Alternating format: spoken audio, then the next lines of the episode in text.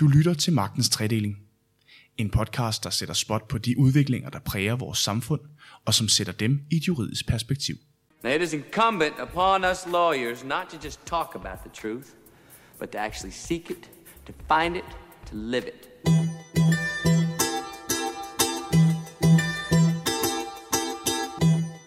Markedsføring af produkter kommer i mange former, og med både sociale medier og den teknologiske udvikling af digitale platforme, der bliver vi eksponeret for reklame og annoncer i mange forskellige former, både direkte og indirekte. Spørgsmålet, der trænger sig på i de her år, er, hvorvidt vi som forbrugere er vidne om denne eksponering. For hvad kan overhovedet betegnes som markedsføring? Influencers, native advertising og employer advocacy er alle begreber, der hitter hos virksomhederne, men som også udvisker grænserne for, hvordan gængs annoncering kan defineres. Forbrugerombudsmanden har netop fundet, at det er i strid med markedsføringsloven, når virksomheder aktivt beder medarbejdere dele annoncer fra hjemmesiden på Facebook. For hvor går grænsen egentlig for markedsføring? Er vi som forbrugere ikke forpligtet til selv at kende forskel på reelt indhold og reklame? Og hvad kan overhovedet betegnes som markedsføring? I dag der tager vi diskussionen om reglerne og rammerne for reklame og annoncering. Bag mikrofonen er Rasmus Hylleberg, og det her det er Magtens Tredeling. Velkommen til. Med mig i studiet i dag, der har jeg partner og advokat med speciale i markedsføringsret Heidi Højmark Helvi fra Integra Law og Anders Edgen Reitz, partner hos Jono med speciale i HR Jura. Velkommen til jer begge to. Vi starter ligesom altid med et lille postulat for at bryde isen. I denne uge lyder det således. Vi som forbrugere har selv ansvar for at kunne skelne mellem markedsføring og reelt indhold. Anders, den tænker jeg, at du starter på. Altså, om jeg er enig i det, det jeg, er, jeg er delvis enig, tror jeg. jeg. Jeg synes, man har et ansvar selv, men vi er nok kommet derhen, hvor at øh, netop det her med skjult reklame, øh, at jeg forstår godt, hvorfor forbrugerombudsmanden går ind og interesserer sig for sådan et område. Ikke? Fordi øh, især de unge øh, er meget påvirkelige, og hvis det er, bliver helt utydeligt, hvornår vi bliver betalt for at blive påvirket, og hvornår det er vores egen fri vilje, jamen så, øh, så synes jeg, at, vi, at, at der er en eller anden grænse der, som øh, de forsøger at lægge sig på. Jeg er nok ikke helt enig i grænsen, men, men altså, der skal være en grænse, det er jeg nok enig i. Og Heidi, hvad siger du? Jamen, jeg siger, det er da helt oplagt, at man selv har et ansvar også.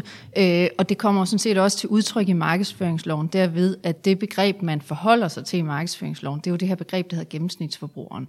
Man skal jo ikke i sin markedsføring forholde sig til den person, som overhovedet ikke har tænkt sig om og går med hovedet under armen og ikke forholder sig til den virkelighed, de befinder sig i. Man skal, for, øh, man skal forholde sig til den almindeligt orienterede, velbevidste, velunderrettede forbruger. Øh, altså manden på gaden, kan du sige.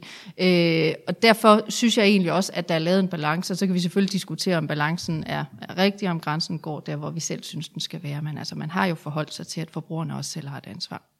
En af de helt store reklamesøjler de seneste år, det er de her influencers eller influenter, som er alt fra bloggere og kendte personligheder, der via deres enorme følgerskare på de sociale medier er oplagte kanaler for virksomhederne til at promovere sine produkter og budskaber. Heidi, er der særlige regler for de her influencer? Altså, der er ikke særlige regler for influencer i forhold til alle mulige andre markedsføringskanaler. Det, som, det der står i markedsføringsloven, det er helt grundlæggende, at Altså jeg plejer at sige, det er sådan lidt ligesom helt almindelig børneopdragelse. Man må ikke sige noget, der ikke er rigtigt. Altså, det siger jeg også til mine børn. Man må ikke lyve, man må ikke sige noget, der ikke er rigtigt. Man må ikke prøve sådan at skjule sandheden øh, et eller andet sted, hvor, hvor man ikke kan se den. Øh, og det, der står i markedsføringsloven, er jo, øh, man må ikke øh, have en vildledende handelspraksis. Og man må ikke have vildledende udladelse. Og det er en vildledende udladelse, hvis man glemmer at sige, at noget er en reklame, øh, hvis det reelt er en reklame. Og de regler gælder for influencer, ligesom de gælder for alle andre. Anders, influencers de er jo forpligtet til at synliggøre, når deres opslag på de sociale medier er reklame. Hvordan sikrer man sig, at de rent faktisk gør det? Fordi jeg oplever det også for eksempel på Instagram, at øh, der er altså nogle, at der hvad hedder det, reklamerer for alt muligt, hvor der ikke står betalt partnerskab eller hvad. Ja, altså forbrugerombudsmanden har jo egentlig været ret sådan tydelig, hvad han eller han eller hun, skal jeg huske at sige, øh, forventer, at, at man gør på det område, ikke? at man markerer det tydeligt i øh, forbindelse med det opslag, man har lavet. Og du har fuldstændig ret i, at det der er rigtig mange, der ikke gør. Øh, det er nok et af de der områder, der er rigtig svære at håndhæve, fordi der simpelthen er så meget aktivitet derude, at øh, vi vil have et meget stort forbrugerombudsmand, hvis de skulle øh, være over det hele. Ikke? Men omvendt, så må man vel sige, at, at alle, der overtræder reglerne, de tager en, en, en ret stor risiko, ikke? fordi at, øh, der er ikke nogen tvivl om, at det er et område, man tager seriøst, og som bliver håndhævet, og der er øh, altså hammeren falder, kan man sige. Og jeg vil også sige, at hvis, hvis man er en virksomhed, som bruger influencers i sin, altså i sin virksomhed, i sin markedsføring, så er det utrolig vigtigt, at man har nogle meget, meget grundige øh, retningslinjer for, hvordan de her influencer, de skal markere øh, i de forskellige indslag, som de laver på de forskellige medier. Øh, og det er jo helt tydeligt at se faktisk, hvis man, hvis man gennemgår de forskellige sociale medier, hvem der har retningslinjer, hvem der har håndhævelser, hvem der ikke har. Øh, man skal også lave stikprøvekontroller. Man er nødt til at gå ind og kigge på det. Man kan ikke bare lukke øjnene som virksomhed og sige, jamen vi har jo sagt til dem, at de skal øh, huske at skrive det i en reklame, så har vi ikke opdaget, at de ikke gjorde det. Det går simpelthen ikke. Altså man skal have en stikprøvekontrol, og så skal man sige til, hvis ikke det bliver skrevet korrekt, og så er man nok også nødt til at smide nogen ud en gang imellem, hvis, hvis ikke de gør det ordentligt. Og så tror jeg egentlig ret hurtigt, at man vil finde ud af, at, øh, at det faktisk godt kan håndhæves fra virksomhedernes side.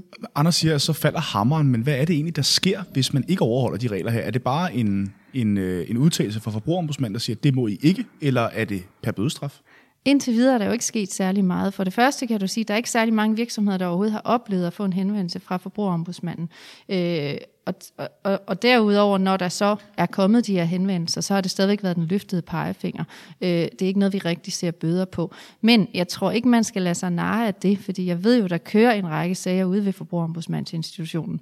Øh, så der kommer til at komme bøder på det, det er jeg slet ikke i tvivl om. Og det er slet ikke, fordi jeg vil sidde her og, og komme med sådan et eller andet bødespøgelse og, og, og advare om, om det på den måde. Men, men pointen er bare, at det her det er ved at blive et rigtig stort problem, og forbrugerne kan ikke finde ud af, hvad der, hvad der er reklamer, og hvad der ikke er reklamer. Øh, gennemsnitsforbrugeren kan ikke, så derfor kommer der til os at ske en, en hårdere håndhævelse fra forbrugerombudsmandens side. Nej, fordi hvordan fører man ikke tilsyn med med, at øh, de her influencers, de overholder lovgivningen, fordi mange er jo bare helt almindelige mennesker, der ikke er registreret via et CVR-register, eller har et firma, eller øh, lignende. Og så hvad definerer overhovedet en influencer?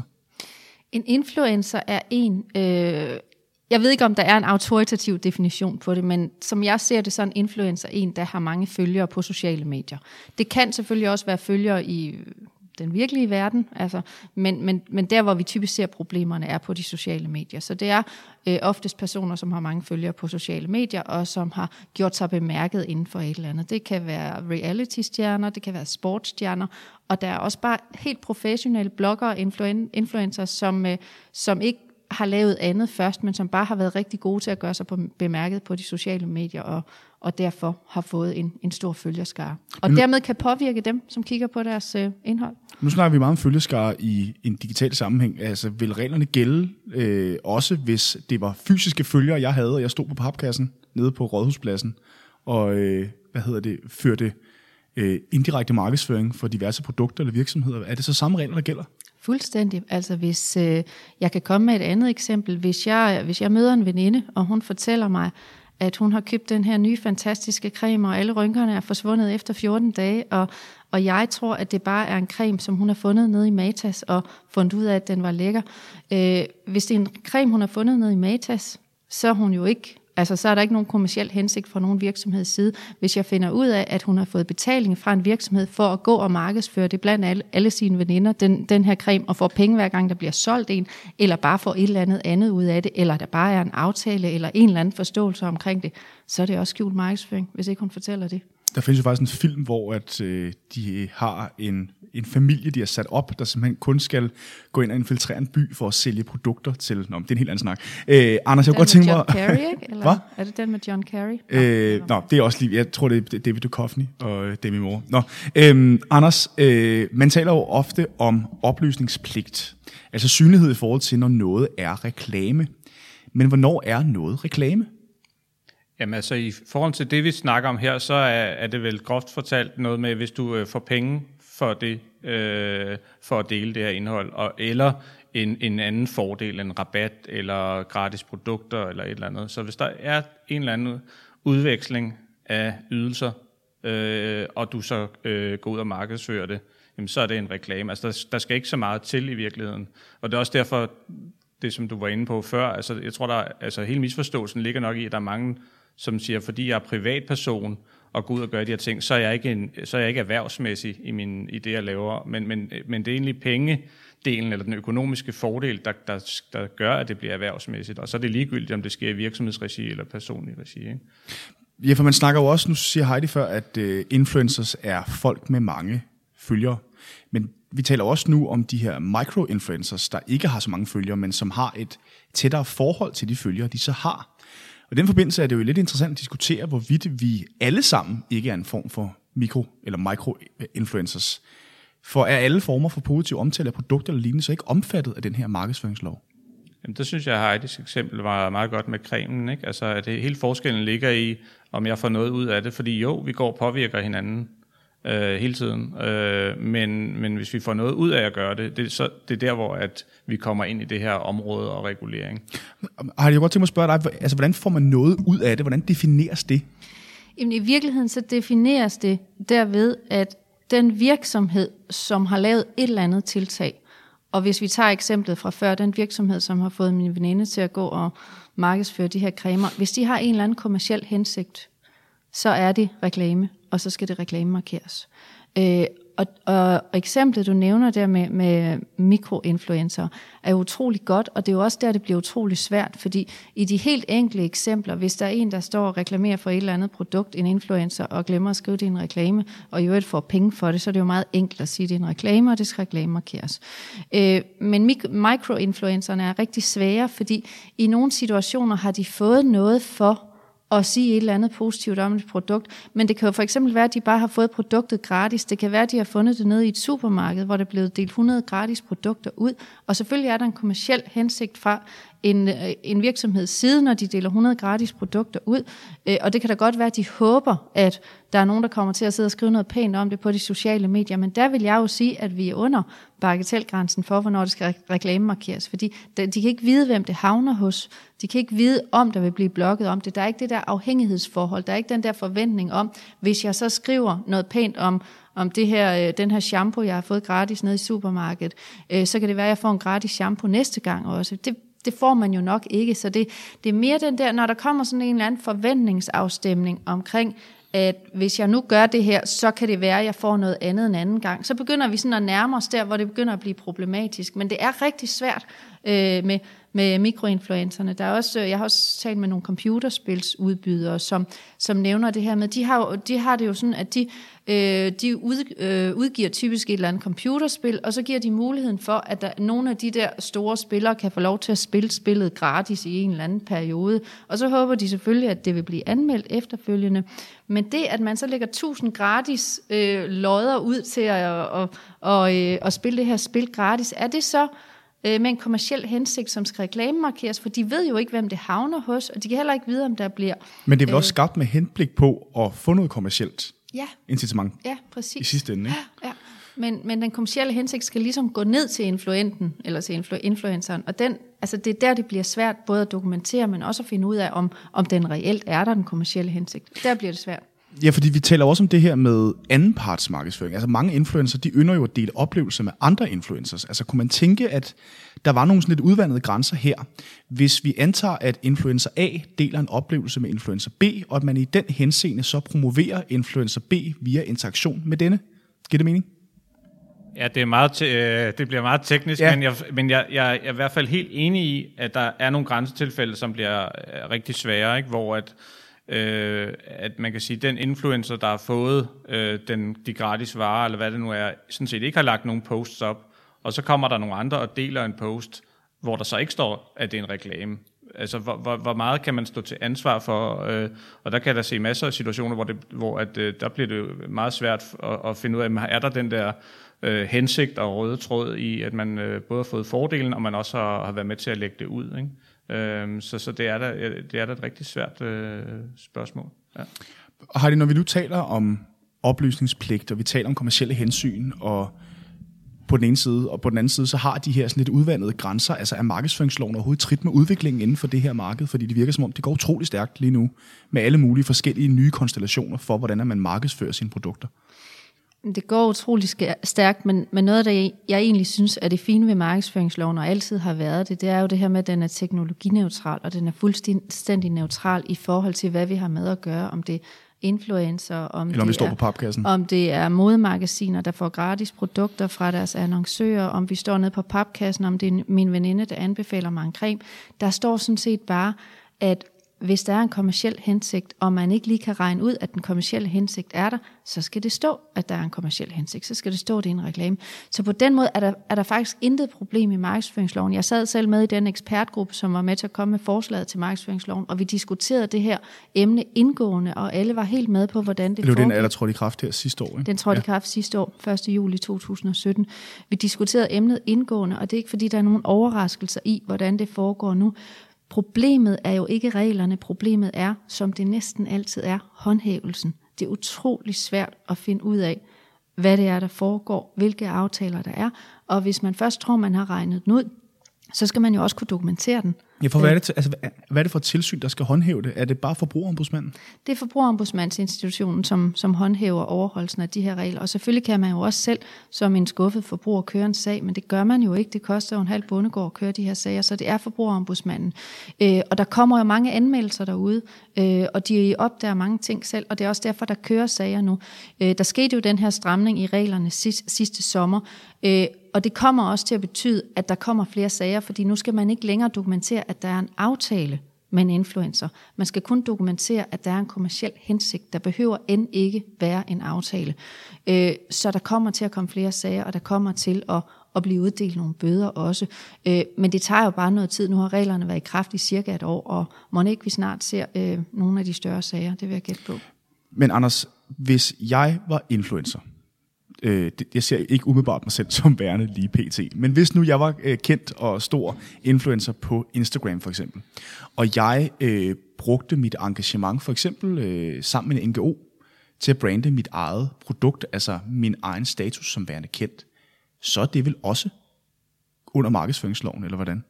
Skal jeg så angive, at jeg har et partnerskab med den pågældende NGO, eller er man ligesom over i noget andet her? Altså, ja, umiddelbart, nu kigger jeg over på Heidi, så vil jeg også sige, at NGO'er også øh, øh, tit falder inden for markedsføringsloven. De har også et produkt, kan man sige, de skal, de skal ud med, og nogle regler, der skal overholdes. Så, så jeg tror ikke, man, jeg tror, man skal passe på med at, og stige sig blind på, om det lige er en virksomhed eller en NGO, man har lavet en aftale med. Ikke? Øh, men jeg synes også, at Heidi havde en god point før i forhold til øh, virksomhederne. Ikke? Altså, jeg tror, at grunden til, at virksomhederne er dem, der virkelig skal tage det alvorligt, det er fordi, hvis der kommer nogle sager og nogle bøder, så tror jeg, man vil øh, slå hårdere ned på virksomhederne, end på den der enkelte influencer, som har, har, har, har overtrådt reglerne. Ikke? Øh. Men jeg kunne godt tænke mig at spørge dig, Heidi, fordi altså, øhm, der er jo mange af de her influencer og kendte musikere og alt muligt andet, at der har et engagement som ambassadører for diverse NGO'er, og som jo også ligesom taler NGO'ens sag. Mm. Men det er jo, altså, det kunne jo tænkes, at det engagement som ambassadør jo også er med til at brande dem selv. Det er et utroligt godt spørgsmål og det diskuterede vi også i markedsføringslovsudvalget. Øh, først og fremmest kan du sige, NGO'en, hvis ikke de er på noget kommercielt, så er de ikke omfattet af markedsføringsloven. Og det, og det er helt ned til fagforeninger, politiske partier, velgørende institutioner. Men lige så snart de begynder at lave noget kommercielt, og det er fuldstændig rigtigt, som Anders siger, det er ikke så afgørende, hvordan de, altså, øh, hvad de hedder de her øh, organisationer, om det er et AS eller et APS eller et hvad som helst andet. Det afgørende er, hvilke aktiviteter de foretager sig. Lige så snart de er i gang med at foretage sig noget, der er kommercielt, altså hvis de har en, en butik, hvor man så kan købe bøger om forskellige emner, som de øvrigt interesserer sig for, så er det kommercielt, så skal de overholde markedsføringsloven. Øh, Muskelsvindfonden er en NGO, og de skal ikke overholde markedsføringsloven, men når de laver grønne koncerter og markedsfører sig der, så er det klart, så skal de overholde markedsføringsloven. Bare lige for at få, få den med. Men der er vel noget indirekte annoncering i, når for eksempel Wafande han er med Verdensnaturfonden i Afrika, i Kenya, og sætte fokus på truede dyr. Men du behøver heller ikke at gå længere end til de store kommercielle virksomheder, vores egen advokatbranche. Vi kan jo også rigtig godt lide at have samarbejder med forskellige øh, velgørende institutioner, så vi kan vise, at, at vi også har et samfundsmæssigt ansvar. Og der var en af diskussionerne også i markedsføringslovsudvalget. Må vi så skrive det på vores hjemmeside? Bliver det så reklame? Hvor må vi i øvrigt skrive det på? Du kan også tage de store indsamlingsprogrammer på TV2 og DR, hvor man får lov til at stille sig op og fortælle, nu har vi givet 100.000 kroner til, til et eller andet i, i Afrika, og, og det er jo alt sammen meget fint, men det bliver jo bare kommercielt lynhurtigt, og det bliver det jo også for, nu nævner du Vafante, og hvem der ellers er kendte personer, som, som får et positivt øh, øh, øh, et eller andet positivt øh, tryk på sig, fordi de samarbejder med, med noget, som vi alle sammen synes er noget godt. Men, men jeg tror bare, at vi i rigtig mange situationer ikke vil se en håndhævelse af det, fordi at det er sådan noget, der også skal være plads til. Altså, øh, de velgørende institutioner har ikke nogen muligheder for at komme frem på den måde, som de gerne vil frem på, hvis ikke de har lov til at gøre det her. Så jeg har i hvert fald ikke set nogen håndhævelse af det indtil videre, men det er klart, at hvis man læser loven efter sit bogstav, så, så kommer man jo derhen i nærheden af, som, øh, ja, som du antyder. Vi skal tale lidt omkring employer advocacy, for det er blevet meget populært, altså hvor man som virksomhed bruger medarbejderne aktivt i forhold til både intern og ekstern markedsføring af virksomhedens værdier og kultur. Medarbejderne skal ikke bare være ansatte, de skal være ambassadører. Men Anders, jeg vil godt starte med dig. Det er vel også en form for indirekte markedsføring af virksomheden, det her. Er det overhovedet lovligt i henhold til oplysningspligten? Altså, der er jo kommet også fra forbrugerombudsmanden en afgørelse, som øh, er blevet diskuteret meget, så hvor langt skal den gå, men den, den, går, den, den sidestiller i vidt omfang de ansatte med det, vi har snakket om omkring influencer, altså at man skal markere klart, når man øh, markedsfører noget for virksomheden. Øh, grunden til, at jeg, jeg synes, den er lidt øh, svær at læse, hvor langt den går, det er jo fordi, det, den, det, den taler om, at man enten skal, skal det være tydeligt, at man er ansat i virksomheden, eller også så skal det være tydeligt, at man øh, poster noget efter aftale med virksomheden. Og når vi taler om ansatte, så er det, synes jeg, ofte tydeligt, at man er ansat i en virksomhed. Så hvis man på anden måde har skiltet meget tydeligt, at man kommer fra den virksomhed, øh, ja, så er, det, så er det i hvert fald min opfattelse, at, at så, så, så slækker vi på kravet til, at man skal markere, at det er en reklame. Ikke? Øh, men men, men øh, den er ikke særlig lang afgørelse, når man kan diskutere den, tror jeg, sådan frem og tilbage, hvor langt den skal gå. Ikke? Men, øh, ja. Heine, nu kommer jeg lige med, øh, altså, fordi det åbner vel også op for en diskussion af, hvad der er direkte og hvad der er indirekte reklame. For hvordan, nu kommer jeg lige med en lille øh, meta-reklame her, for hvordan sikrer man sig i henhold til markedsføringsloven, at jeg for eksempel i dette program ikke indirekte reklamerer for Karnovs lovsamling, hvilket jo lige var det, jeg gjorde. Altså, skal jeg også markere, at dette var en reklame? Karnov står jo som tydelig afsender af den her, af den her podcast. Der er, ikke nogen i tvivl, der er ikke nogen, der er i tvivl om, hvorfor du sidder her, og hvorfor du gør det, du gør. Øh, selvfølgelig optræder det på en eller anden måde som redaktionelt, men I hedder Karnov News. Der er jo ikke, I prøver Eller på... K-News. K-News. Men det er klart, men, der er associationer til Karnov. Lige præcis. Øh, der er ikke nogen, der er i tvivl om, at der også er et eller andet kommercielt formål med det. Tror, det tror jeg, der er. Altså, jeg tror, I gør det af en årsag, som så mange andre. Øh, så jeg, jeg, jeg bliver ikke ført bag lyset. Jeg føler mig i hvert fald ikke ført bag lyset. Det bliver også markedsført på en måde, hvor jeg godt ved, hvad sammenhængen er. Så, så jeg, jeg føler ikke, at, øh, at jeg burde at der burde stå, ja, det, nu handler det ikke om følelser, men jeg føler mig ikke ført bag lyset, og derfor tænker jeg også, at der ikke er tale om skjult reklame. Man taler meget Vi kan omkring... godt regne den ud. Ja, okay.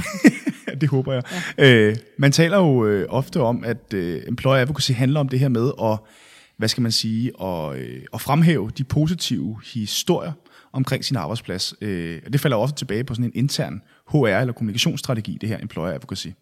Øh, hvor man simpelthen direkte går ind og opfordrer folk til at tage del i at tegne virksomhedens identitet. Øh, og det gøres jo på mange forskellige måder, men altså, hvor går grænserne i, overhovedet i forhold til, øh, nu går jeg direkte ud og reklamerer, og nu taler jeg egentlig bare pænt om min arbejdsplads, fordi jeg er glad for at arbejde her?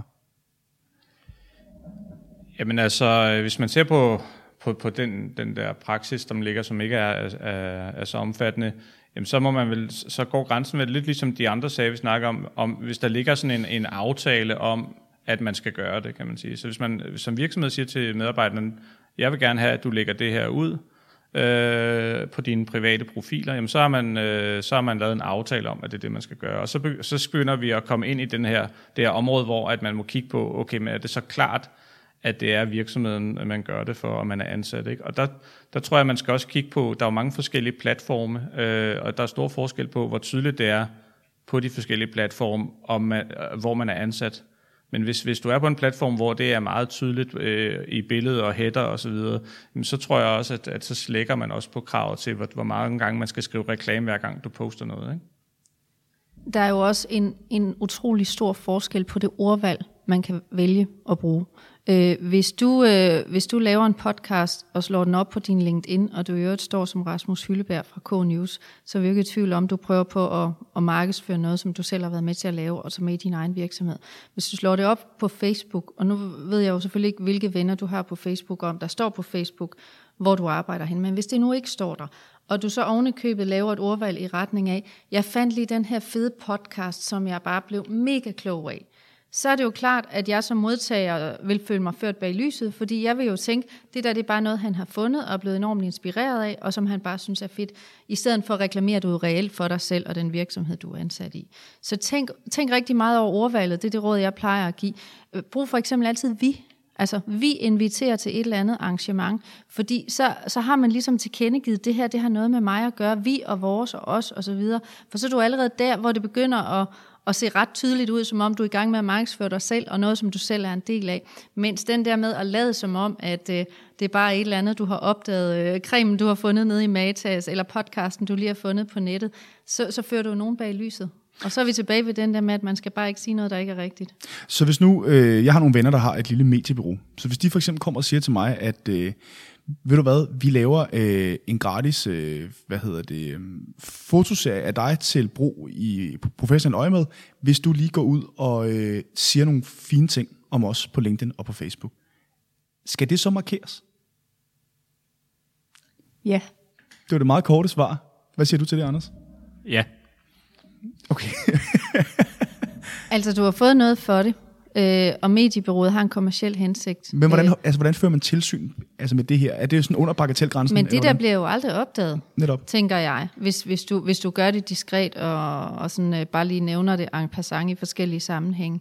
Øh, men der er jo klager. Altså hvis, jeg har nogle gange tænkt over, at nogle af mine venner på LinkedIn, eller mine connections på LinkedIn, har skrevet meget pænt om nogle virksomheder, hvor jeg sådan har tænkt, hmm, kan jeg vide, hvorfor de egentlig gør det? Øh, og så har jeg efterfølgende fundet ud af, at de rent faktisk arbejder for dem i forskellige sammenhænge. Som eksterne konsulenter eller Som lignende? eksterne konsulenter, eller, eller hvad ved jeg. Og sådan noget bliver jo aldrig nogensinde opdaget af forbrugerombudsmanden. Men hvis det bliver opdaget, og hvis der kommer klager derud, så, øh, så risikerer man jo selvfølgelig, at, at der sker et eller andet. Men det der, nu, nu siger du bagatelgrænsen, der er jo ikke på den måde en bagatelgrænse, men det er jo sådan noget, som aldrig nogensinde bliver opdaget. Og det, det, det bliver ikke håndhævet. Anders, inde hos Jono, der anbefaler I, at virksomheder de har klare retningslinjer for, hvordan medarbejderne bruger de sociale medier. Hvordan får man som virksomhed indflydelse på, hvad medarbejderne bruger deres eget personlige brand til på de sociale medier? Jamen, du var selv inde på det der med employer advocacy før, og, øh, og der er jo ikke nogen tvivl om, at det er kommunikationsafdelingerne, der i høj grad har fundet ud af, at øh, det der, der hedder reach, altså hvor langt du når ud med dine ting, det bliver påvirket af, hvor mange der deler det, og der er de ansatte nøglen, har man fundet ud af. Øh, så det er den ene del af det. Ikke? Den anden del er jo, at jeg mener, at grænserne mellem, hvad der er privat og professionelt på de sociale medier, den er øh, udvisket i et eller andet omfang. Øh, og især der, hvor man går ind og selv blander tingene sammen. Så hvis vi tager eksemplet med Facebook, jamen der tror jeg, at problemet er, hvis du går dine kontakter igennem, hvis der ikke kun er de helt private venner, men der er også lige en enkelt arbejdsrelation iblandt, måske ovenikøbet en kunde, jamen så det, du lægger op på Facebook, det er også relevant for arbejdsgiveren, desværre. Altså det er sådan noget, som især unge mennesker ikke kan lide at høre, men det, det er bare realiteten. Det, det, det, det ødelægger virksomhedens brand, hvis du skriver øh, noget vås der. Altså, øh, sådan er det bare. Er du enig i den betragtning, det her med, at skældet mellem at være privat og være ansat og være en offentlig person fuldstændig udvisket efterhånden? Øh, I rigtig høj grad, ja. Det, det, det er jeg faktisk enig i, og jeg kan også, altså, det er det samme hos mig selv. Altså, på min Facebook-side har jeg både private venner og øh, netværk, og, altså, og det forholder jeg mig selvfølgelig til i forhold til, hvad jeg skriver. Øh, men øh, jo, jeg er enig. Vi ser jo også det her begreb native advertising, altså hvor øh, selve reklamen bliver en naturlig del af produktet. Øhm, MTG har øh, tidligere på året øh, som det første oprettet produktionsselskab, der i samarbejde med virksomheder skal være afsender på tv-formater for eksempel. Hvor er det, vi bevæger os hen, hvis vi på sigt skal til at se for eksempel tobaksfirmaer være medproducenter på tv-serier, hvor skuespillerne synligt ryger deres cigaretter? Altså der vil jeg jo sige, at vi har en tobaksreklamelov, som, som vil betyde, at det kommer vi nok aldrig til at se i Danmark. Men så lad os sige, at Arla øh, har sponsoreret, øh, altså er medproducer af et program, hvor de meget synligt drikker øh, Arlas produkter? Og der har vi jo en regulering, som gælder i radiofjernsynsloven, som man jo så kan diskutere, hvorvidt den også gælder, når vi bevæger os ud andre steder. Og det er der sådan forskellige kriterier for. Men det er jo der, vi kommer til at bevæge os hen. Og det er jo der, det bliver utrolig vigtigt med den her reklamemarkering. Det er utrolig vigtigt, at man siger klart og tydeligt, det her er et program, som er sponsoreret af Arla, øh, og øh, der optræder produkter fra Arla i programmet. Øh, og så må man jo så forholde sig til, at man bliver påvirket af det, men det gør vi jo også af reklamer. Altså, jeg synes sådan set ikke, der er noget forkert i, at, at man også gerne fra virksomhedernes side vil producere noget godt indhold, som ikke bare er reklameindhold, at, at man også vil lægge penge i noget, som er øh, informativt. Øh, det synes jeg sådan set er fint, bare man får det reklamemarkeret ordentligt. Jeg synes, øh, meget af det indhold, jeg finder, som er betalt af virksomheder, det synes jeg kan være ganske udmærket, og det vil jeg da meget hellere læse end en eller anden kedelig reklame. Så bliver jeg klogere. Øhm, jeg kom bare til at tænke på, nu nævnte du det der med MTG, at der var jo den der skam-serie, i, som blev så succesfuld i Norge, blandt andet fordi man oprettede alle karaktererne på sociale medier, og, og der skulle de være i karakter. Det var ligesom øh, en, en, en, af, en del af succesen, og det er jo det, som øh, MTG og andre sikkert øh, vil, vil kopiere nu. Ikke? Men der kunne jeg da godt se en udfordring i, at hvis du har en person, der skal lege, at, at jeg er den her person på sociale medier, og, og det hele formålet er at reklamere for, for tv-programmet, måske ovenikøbet produkter tv-programmet, men alene bare tv-programmet. Altså skal så, øh, burde den øh, skuespiller så, eller dem, der sidder bagved, have postet hver gang øh, reklame. Ikke? Altså det, så, så det, jeg kan da se masser af udfordringer i praksis, når du begynder at, at, at brede det ud på den måde. Ikke? Ja, for vi ser jo faktisk også en influencer fra, øh, jeg tror det er fra Asien, som er digital, som ikke findes i virkeligheden, men som har, jeg ved ikke hvor mange millioner følgere. Altså, øh, hvordan i alverden fører man tilsyn med sådan noget? For hvem er det, der står bag sådan en følger, eller, eller bag sådan en influencer? Men der kan du jo sige, der er jo, der er jo ikke noget skjult reklame så, øh, hvis, hvis man får skrevet, hvad det er reelt. Men hvis man lader som om, det er et rigtigt menneske, så er det jo skjult reklame, så skal det reklamemarkeres alligevel. Og det er jo der, igen, så er vi tilbage ved det, jeg egentlig synes er det fine ved markedsføringsloven. Den er fuldstændig teknologineutral. Hvis ikke jeg kan regne ud som modtager, at det er en reklame, så skal det stå, at det er en reklame. Og det er gennemsnitsforbrugeren. Her til sidst kunne jeg godt tænke mig at høre lidt omkring, hvad det er for nogle perspektiver, I ser i forhold til udviklingen af det her reklame- og annoncemarked. Hvor er det, vi bevæger, at vi bevæger os hen af? Jamen, jeg tror, vi bevæger os rigtig meget øh, endnu mere i den retning, som, som vi allerede ser nu. Øh, jeg kan jo se det på mine børn. Altså, de bliver mere og mere påvirket af de ting, som de finder på YouTube og på, og på andre medier. Øh, og der er det jo vigtigt, at vi både som, som forældre påtager os den rolle at lære dem, hvad det egentlig er, der foregår. Det er vigtigt, at vi har nogle ordentlige regler. Det er vigtigt, at vi har en ordentlig håndhævelse, som sikrer, at tingene også bliver reklamemarkeret ordentligt. Øh, men jeg tror, det bliver meget værre øh, altså, eller bedre, eller, eller hvad du nu vil kalde det. Men man er jo nødt til som virksomhed at finde nye måder at, at reklamere på hele tiden. De er jo nødt til at udvikle sig også. De skal sælge deres produkter, og, og selvfølgelig skal de det. Og der er jo ikke noget forkert i, at de finder andre måder at gøre det på. Det synes jeg kun er fint. De skal bare huske at fortælle os, når de reklamer. Anders, hvad siger du? Jamen, det er, det er meget enig i. Altså, jeg, jeg oplever også, at det bliver mere og mere fragmenteret, øh, hvordan man reklamerer for ting. Ikke? Der er, for, I gamle dage, der kunne man ligesom for, øh, lægge mærke til, når noget var en reklame. Ikke? Det var en eller anden stor billboard et sted, og så det kunne alle genkende. Ikke? Og nu eller en ekosol i sneen. Eller, ja, ja. Og, og nu er det bare alle mulige, på alle mulige forskellige måder, og forskellige kanaler og forskellige metoder, og det, øh, det tror jeg kun vil fortsætte. Ikke? Og du var selv inde på de der med fiktive, altså jeg tror det med brugen af kunstig intelligens og chatbots og sådan noget, jamen det vil jo også bare øh, blive, komme ind i reklameverdenen, ikke? Og, og, og så det aner vi slet ikke, om dem, der sidder bagved overhovedet findes. Vel? Det tror jeg vil kun vil fortsætte.